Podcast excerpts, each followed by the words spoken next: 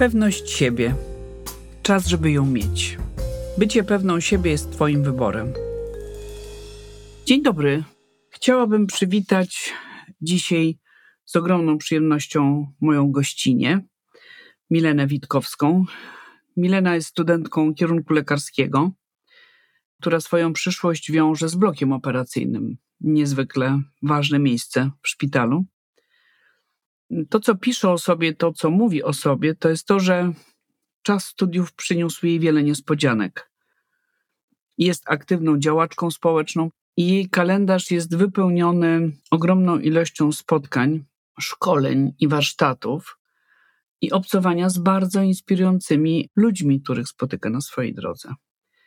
Ona zaraz dopowie trochę więcej o sobie, zaraz ją do tego zaproszę, ale zanim do tego przejdę, to jeszcze dopowiem to, co sama wiem, że ona organizuje przeróżne spotkania integracyjne i stara się wszystkich jakby wokół jednoczyć, wokół różnych tematów, które prowadzi, o których, tak jak mówię, opowie więcej.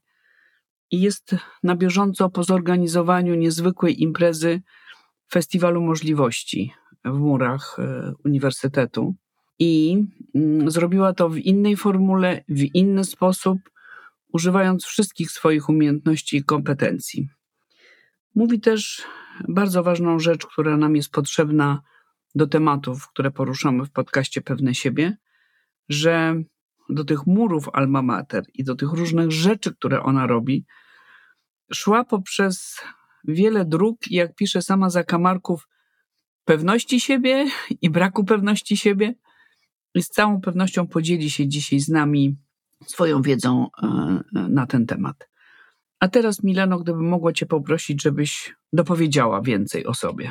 Wszystko to, co powiedziałaś, zgadzam się z tym w stu procentach. Chciałabym też wspomnieć właśnie o tym, jak wyglądała moja droga. Ja kończyłam kierunek e, biolchem w liceum i od gimnazjum już wiedziałam, że będę chciała iść na studia medyczne. Droga była w pewnym momencie wyboista bo to nie jest tak, że od razu udało mi się zrealizować to marzenie. Musiałam chwilę odczekać, e, zacisnąć zęby i spróbować jeszcze raz podejść do rekrutacji na studia. Dzięki temu udało mi się dostać na wymarzoną uczelnię, na wymarzony kierunek. I tak jak już powiedziałaś, ten czas przyniósł mi ogrom niespodzianek. Nie podejrzewałabym siebie, że tak bardzo zaangażuję się w aktywność społeczną. A to wszystko dzięki temu, że trafiłam do Międzynarodowego Stowarzyszenia Studentów Medycyny i FMSA Poland, które sprawiło, że zakochałam się w działalności wolontariackiej. I gdzieś od bycia edukatorką podczas akcji profilaktycznych, poprzez bycie wolontariuszką na różnych konferencjach, udało mi się zacząć koordynować coraz to różniejszymi projektami i takim moim małym dzieckiem wśród projektów jest właśnie Festiwal Możliwości, który udało nam się zrealizować wraz ze stowarzyszeniem i biurem karier mojej uczelni w zeszłym miesiącu. Powiedziałaś małym dzieckiem, to musimy pomyśleć, ile dużych dzieci wyszło spod Twojej ręki, skoro jesteś y, i wolontariuszką i wymyślasz tyle rzeczy. Ale odniosę się od razu jako taką czyca do tego, co powiedziałaś, że Ci się udało, tak, dostać na te studia. Już to przerobiłyśmy i wiemy, że słowo udało się nie jest najlepszym słowem, tak? Jakie jest lepsze słowo? Tak, zgadza się. Zrobiłam to. Dostałam się i zapracowałam na to. Swoją ciężką pracą, uczeniem się, po prostu dostałaś się na studia. Zgadza się. Opowiesz nam później o tych swoich e, większych dzieciach. Teraz ja jeszcze dopowiem. Milena jest e, moją mentee, czyli ja jestem jej mentorką w programie uniwersyteckim Uniwersytetu Warszawskiego. I bardzo się cieszę, że trafiła w moje łapki i pod moje skrzydła, ponieważ e, w istocie jej wiedza, doświadczenie zgromadzone już e, w bardzo młodym wieku są przeogromne i mogą zaimponować niejednej osobie, która ma więcej lat i doświadczeń pracy, wolontariatu, całego mnóstwa innych rzeczy.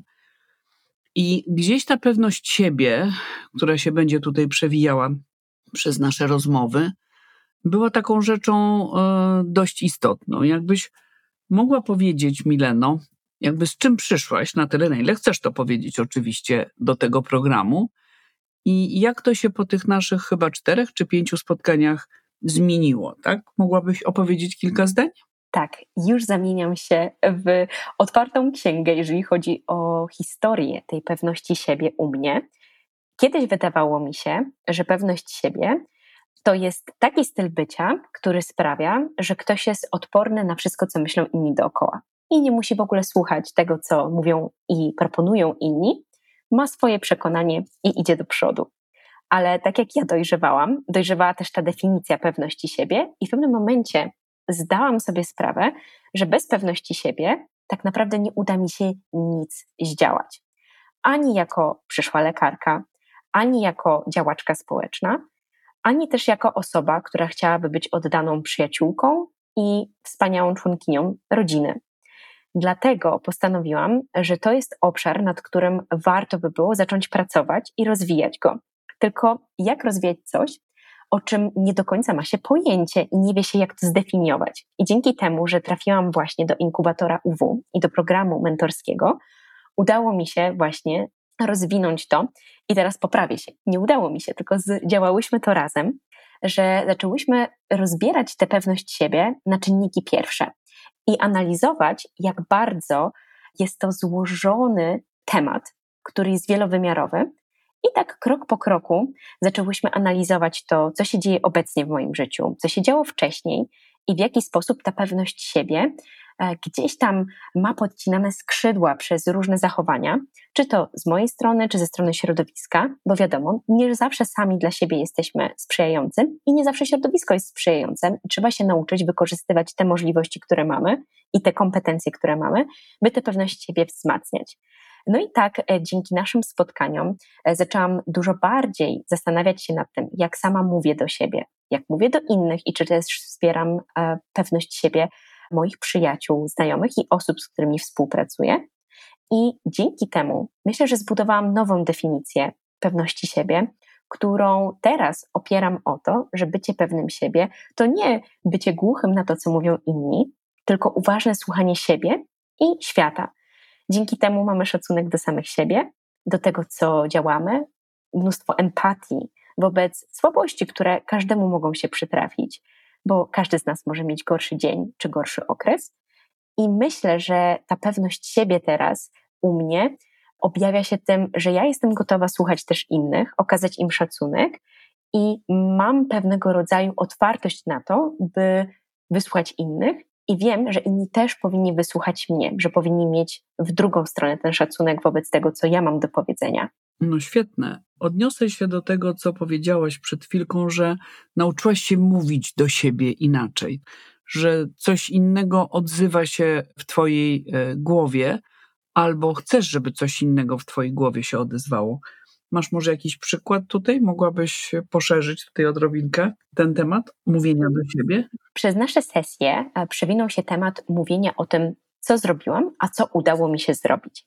I kiedy zaczynałyśmy rozmawiać o przedmiotach czy o działaniach, które mnie interesują, bardzo często używałam sformułowania udało mi się, co gdzieś z tyłu było okraszone taką niepewnością, czy aby na pewno ja to zrobiłam, czy to jest kwestia szczęścia.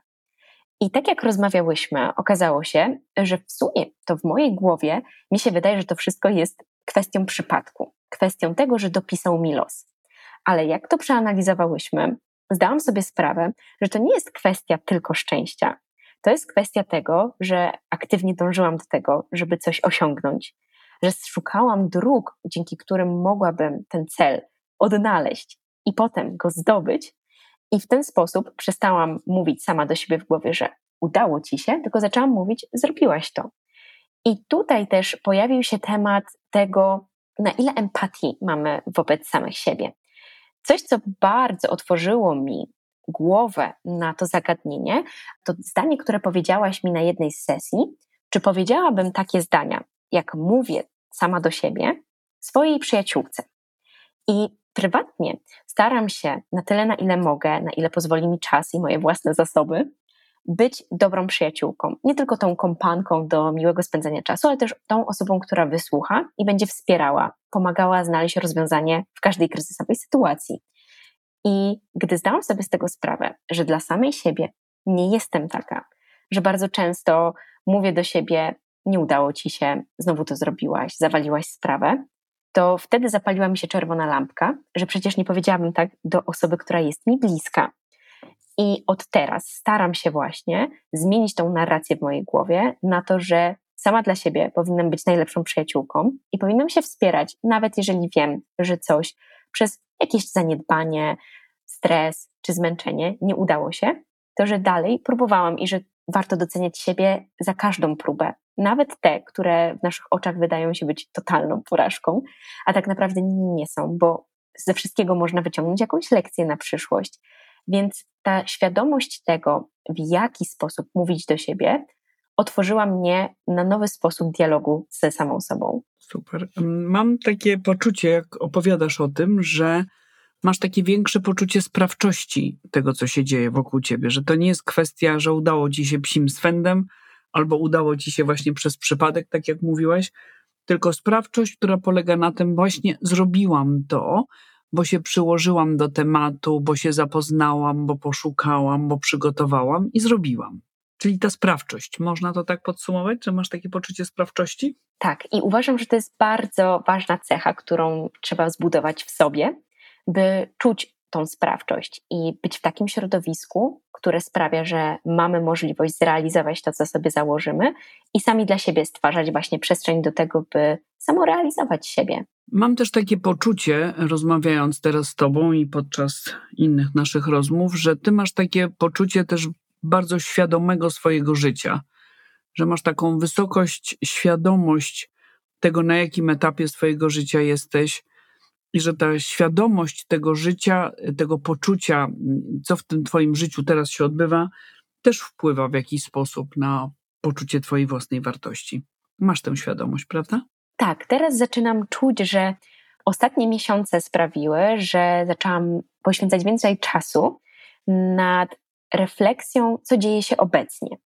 E, często uciekałam myślami w przeszłość, wybiegałam myślami w przyszłość, ale uświadomiłam sobie, że ten moment, na który faktycznie mam wpływ i który jest najważniejszy, to moment teraz.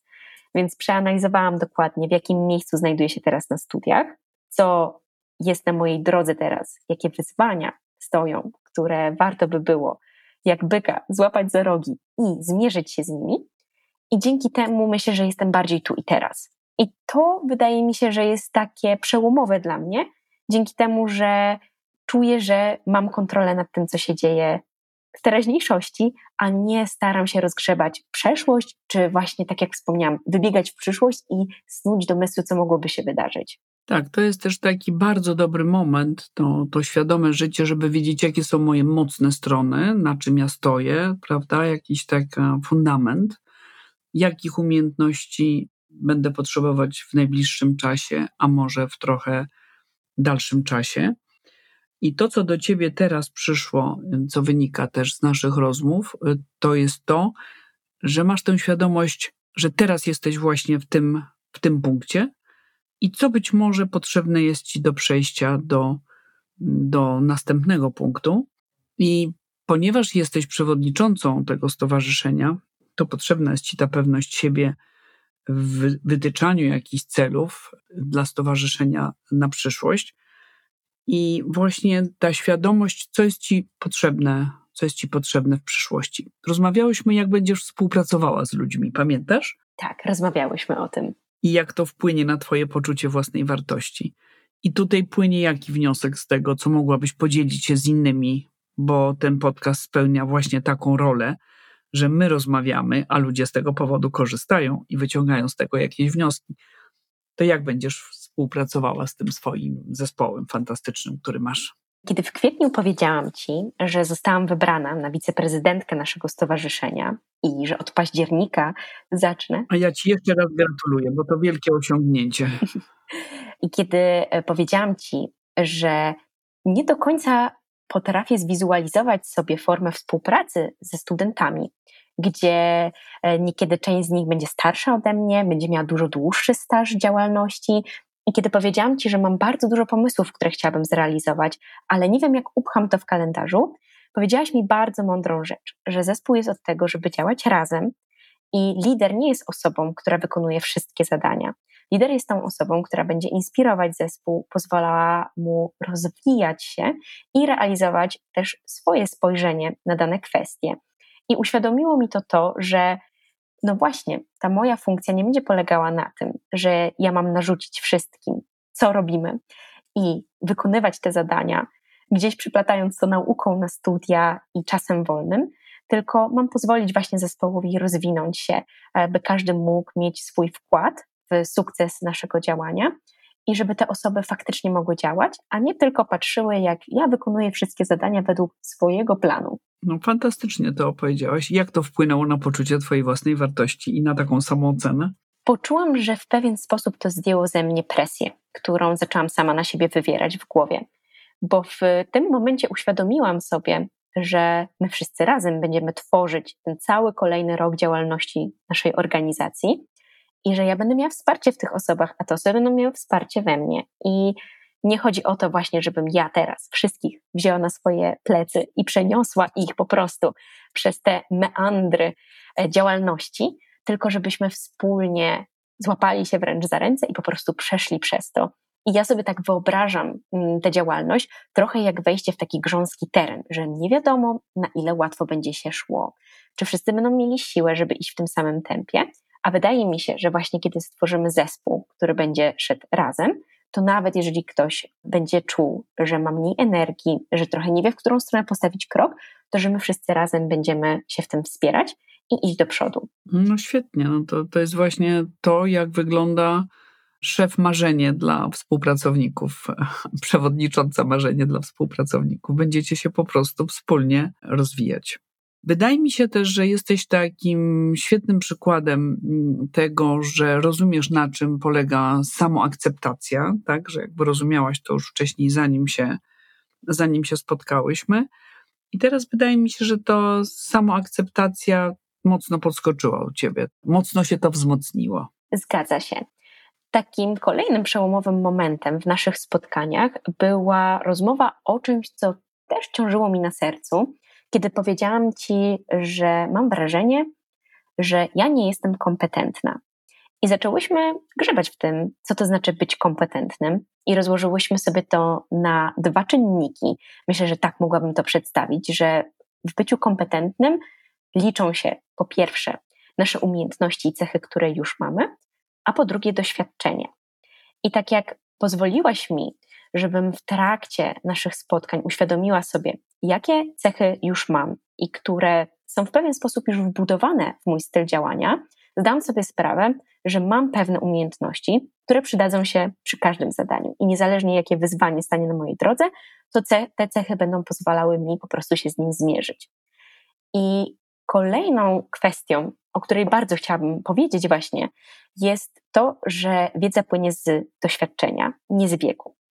I my gdzieś tam od początku rozmawiałyśmy o tym, że jestem osobą młodszą względem tych osób, z którymi do tej pory działałam i z którymi przyjdzie mi dalej działać, i że jest to pewnego rodzaju dla mnie, w moich oczach, wada, a ty uświadomiłaś mi, że wcale to nie jest wadą, że mam nieco inne spojrzenie na pewne kwestie, e, nieco inne doświadczenie.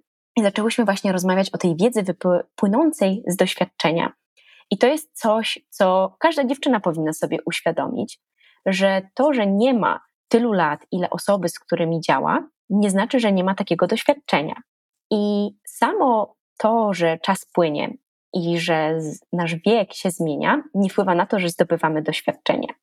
Więc warto jest już na tych i młodszych latach studiów, czy nawet przed studiami, albo zaraz po nich, próbować różnych możliwości, czy to pracy, wolontariatu, działalności, spróbować otworzyć własną firmę, co też umożliwia właśnie inkubator UW, zdobywać to doświadczenie i patrzeć, jak ta nasza wiedza rośnie, a dzięki temu też pewność siebie i poczucie bycia kompetentnym.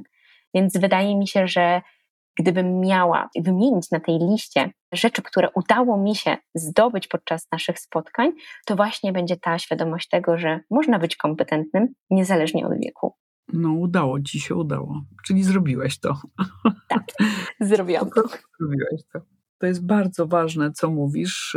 Ja, rozmawiając z Tobą, też uczę się od Ciebie bardzo wiele i to jest fantastyczne. I ja jestem pełna uznania, że tak młoda osoba zgromadziła już tyle doświadczeń, że jest właśnie otwarta na te doświadczenia I jest dużo ludzi, dużo starszych od ciebie, wydawałoby się dużo bardziej doświadczonych, a jednak mają jakby nieprzetrawione te doświadczenia, mają, może je mają, ale też nie potrafią z nich korzystać. Czyli ty masz jeszcze jeden plus, bo nie dość, że już zdobyłaś dużo doświadczeń, to jeszcze umiesz je wykorzystać.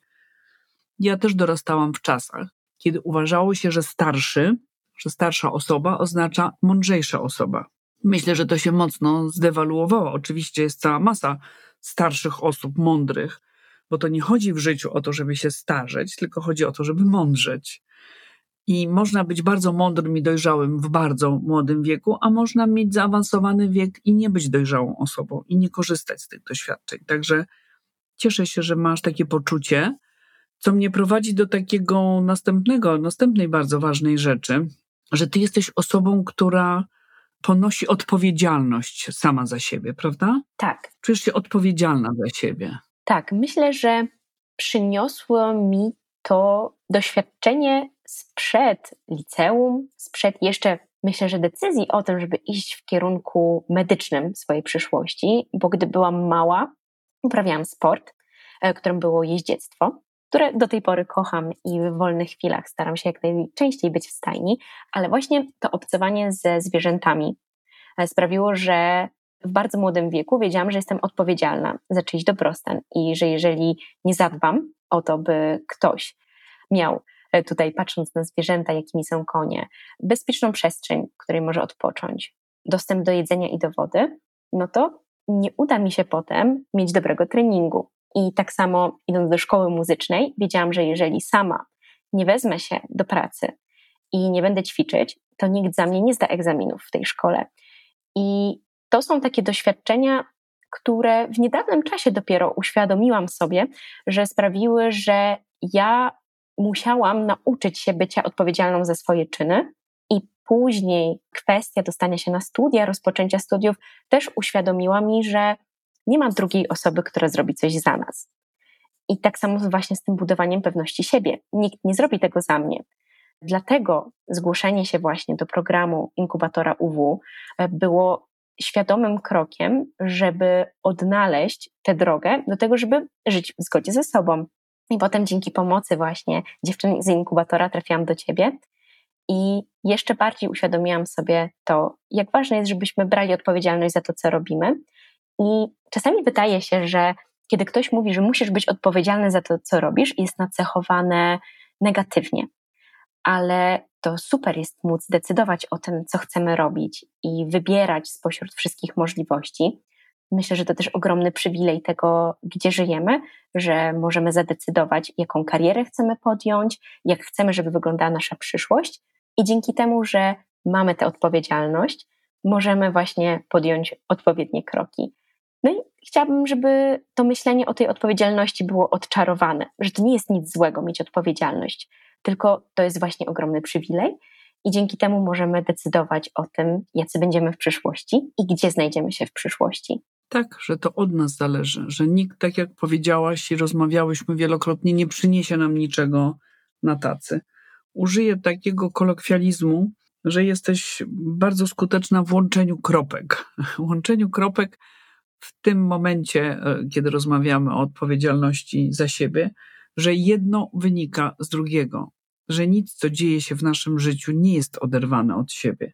Jeśli nie zadasz koniowi jedzenia w odpowiednim momencie i nie, nie napoisz go, to on nie będzie mógł korzystać e, z uroków cwału i nie będziecie mogli odbyć tej jazdy razem, tak? Trzeba zadbać o siebie i trzeba zadbać o innych w przypadku odpowiedzialności za siebie jest zadbać o samego siebie, o tym, co chcemy w życiu robić.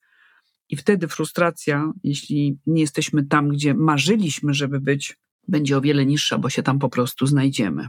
Wydaje mi się też, e, i dlatego bardzo się cieszę, że przyjęłaś moje zaproszenie i rozmawia się z Tobą fantastycznie, i jeszcze mamy kilka punktów, a idzie nam całkiem nieźle, uważam. To gdybyś mogła trochę powiedzieć o, o asertywności, o tym, jak sobie radzisz e, z asertywnością, bo działasz na tylu frontach i na tylu polach, że czasami musisz pokazać siebie, w taki jasny, konkretny bardzo sposób. Ludzie często kojarzą asertywność z umiejętnością powiedzenia nie w grzeczny sposób, co jest prawdą, ale większą prawdą o asertywności jest to, żeby pokazać siebie, tak? Powiesz kilka słów na ten temat? Jasne.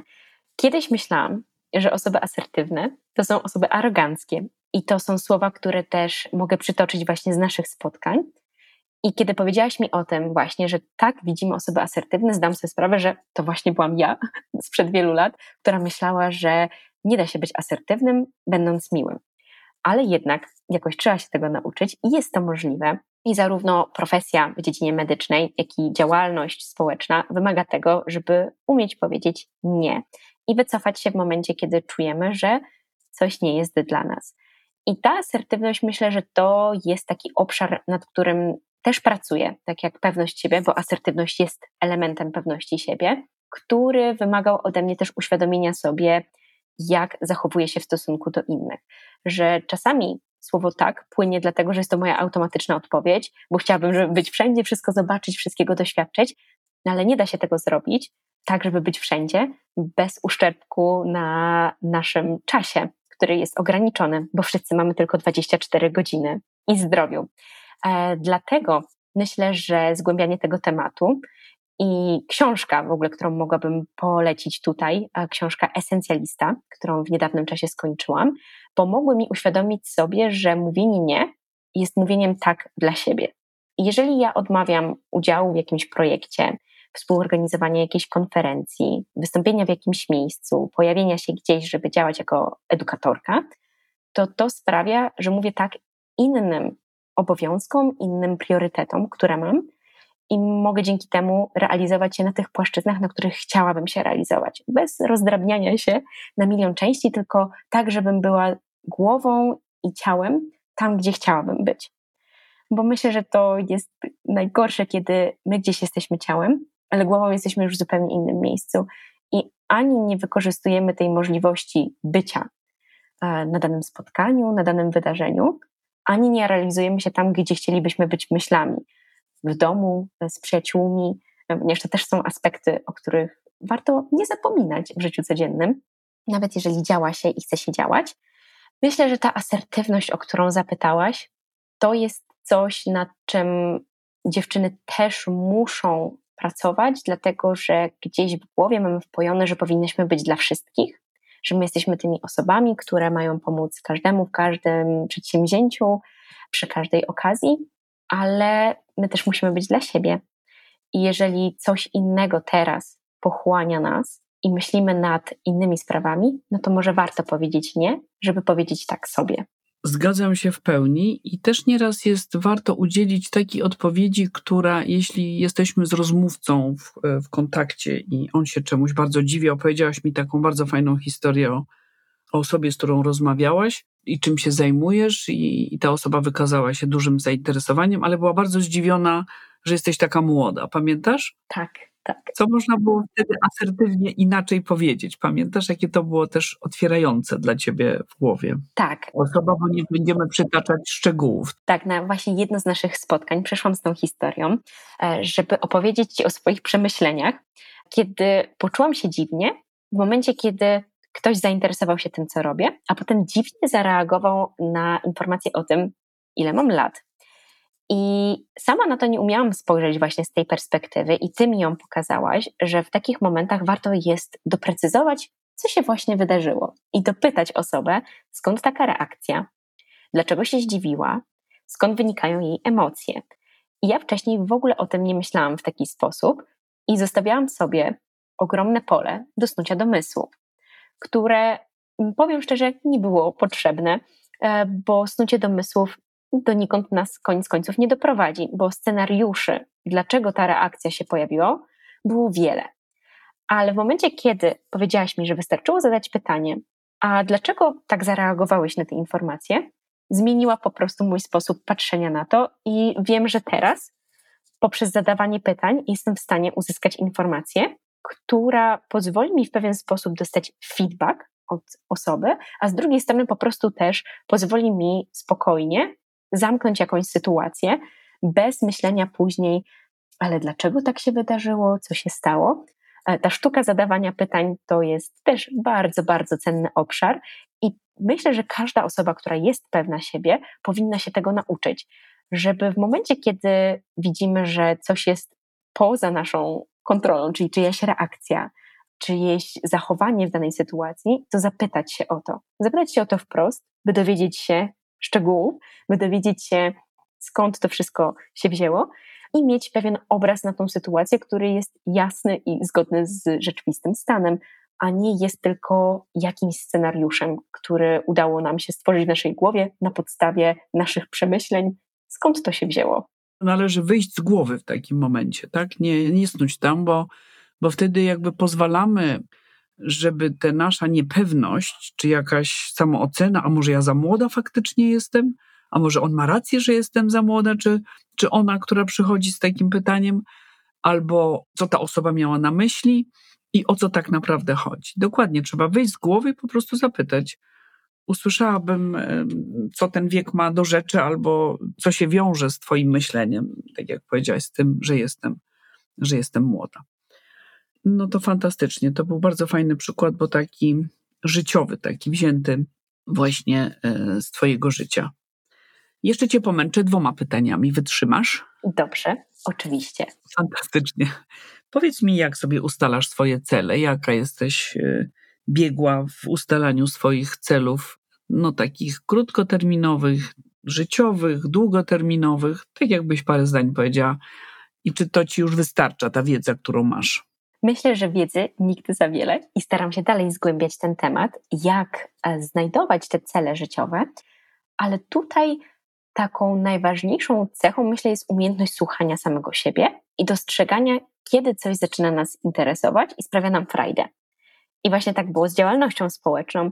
Ja przed czasami studiów mm, gdzieś tam może pokątnie się angażowałam w jakieś wydarzenia, ale nigdy powiedzmy pełną parą. A w trakcie studiów zauważyłam, że sprawia mi to ogromną radość i gdzieś właśnie ten cel się wyłonił, żeby zrealizować projekty, które byłyby zgodne z ideami, z którymi się zgadzam. I właśnie jednym z takich projektów był Festiwal Możliwości, bo miałam głębokie poczucie tego, że jako przyszła lekarka powinnam pomóc też swoim kolegom i koleżankom odnaleźć sens w studiowaniu. I już śpieszę z wytłumaczeniem, jak to się wszystko łączy. Na swojej uczelni zauważyłam, że nie było po czasach pandemicznych takiego wydarzenia, które pokazałoby, jak różnorodne jest środowisko medyczne i pod względem kierunków, które można studiować w branży medycznej, jak i karier, które można podejmować. Bo medycyna to nie tylko praca w szpitalu, czy w przychodni, czy praca w laboratorium, to też możliwość tworzenia swoich startupów medycznych, to też możliwość pracy z nowymi technologiami, tworzenie różnych przepisów, edukowanie, działanie na wielu, wielu, wielu płaszczyznach, o których miałam wrażenie, że studenci nie mają pojęcia. I żeby sprawić, żeby to studiowanie miało sens dla innych, by każdy mógł dostrzec na końcu swojej drogi taką iskierkę, która będzie motywowała go, żeby iść przez tą drogę, która bywa wyboista, tak powstał właśnie pomysł stworzenia Festiwalu Możliwości. No i to był taki cel, powiedzmy, może krótkodystansowy, bo był to cel na ten rok, nie na całą swoją karierę, ale właśnie patrzenie, co jest zgodne ze mną, co sprawia mi radość i co jest taką moją misją, pozwala mi wybrać właśnie te cele, które chciałabym realizować. Myślę, że też w ten sposób e, odnalazłam swoje miejsce w mojej organizacji, która jest też bardzo różnorodna. I zadając sobie pytanie, co ja bym chciała działać w tej organizacji, odnalazłam to, co teraz będę miała przyjemność robić. Od października już prawie że pełnoetatowo. I to szukanie swojego celu właśnie powinno wynikać z tego, że słuchamy siebie. A fajnie jest też, kiedy ten cel odpowiada potrzebom środowiska, bo wiemy, że wtedy realizujemy się nie tylko dla siebie, ale też dla innych i możemy pomóc innym rozwinąć swoje skrzydła. Świetnie, naprawdę bardzo się cieszę i pokazałaś swoim kolegom, studentom, jak wiele jest przed nimi możliwości zawodowych później, w przyszłości, jak już te studia skończą, ale nie tylko jak powiedziałaś, dla studentów medycyny, tylko pomyślałaś o, o wszystkich grupach zawodowych, które powstaną na tej uczelni i które będą szukały pracy. I to jest to takie życie celowe, i Twoje cele w Twoim życiu, tak? I też pokazałaś im, że mają sami myśleć o, o tych celach w swoim życiu na przyszłość, że to już jest bliżej niż dalej, mogą wybierać. I to jest bardzo fajne. Tak, i powiem Ci, to jest coś, czego jeszcze nie wiesz o mnie. Ja, jako Milena, która jest po prostu dziewczyną mieszkającą w Warszawie, studiującą, mam klaustrofobię.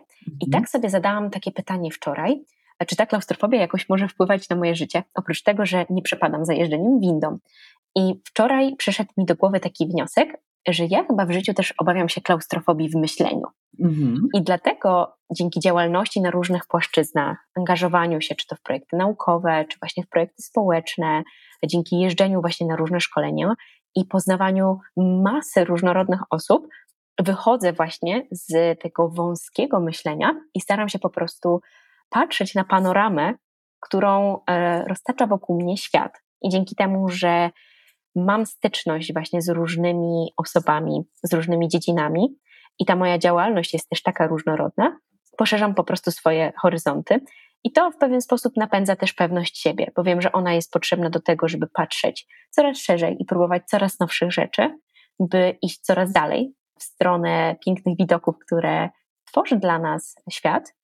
No i takie luźne przemyślenie właśnie, żeby jeżeli ktoś odczuwa to, że ma taką klaustrofobię w swoim myśleniu, że jest zamknięty tylko na jedną drogę i że widzi dla siebie tylko jedną możliwość, to żeby budować tę pewność siebie, by poszerzać swoje horyzonty.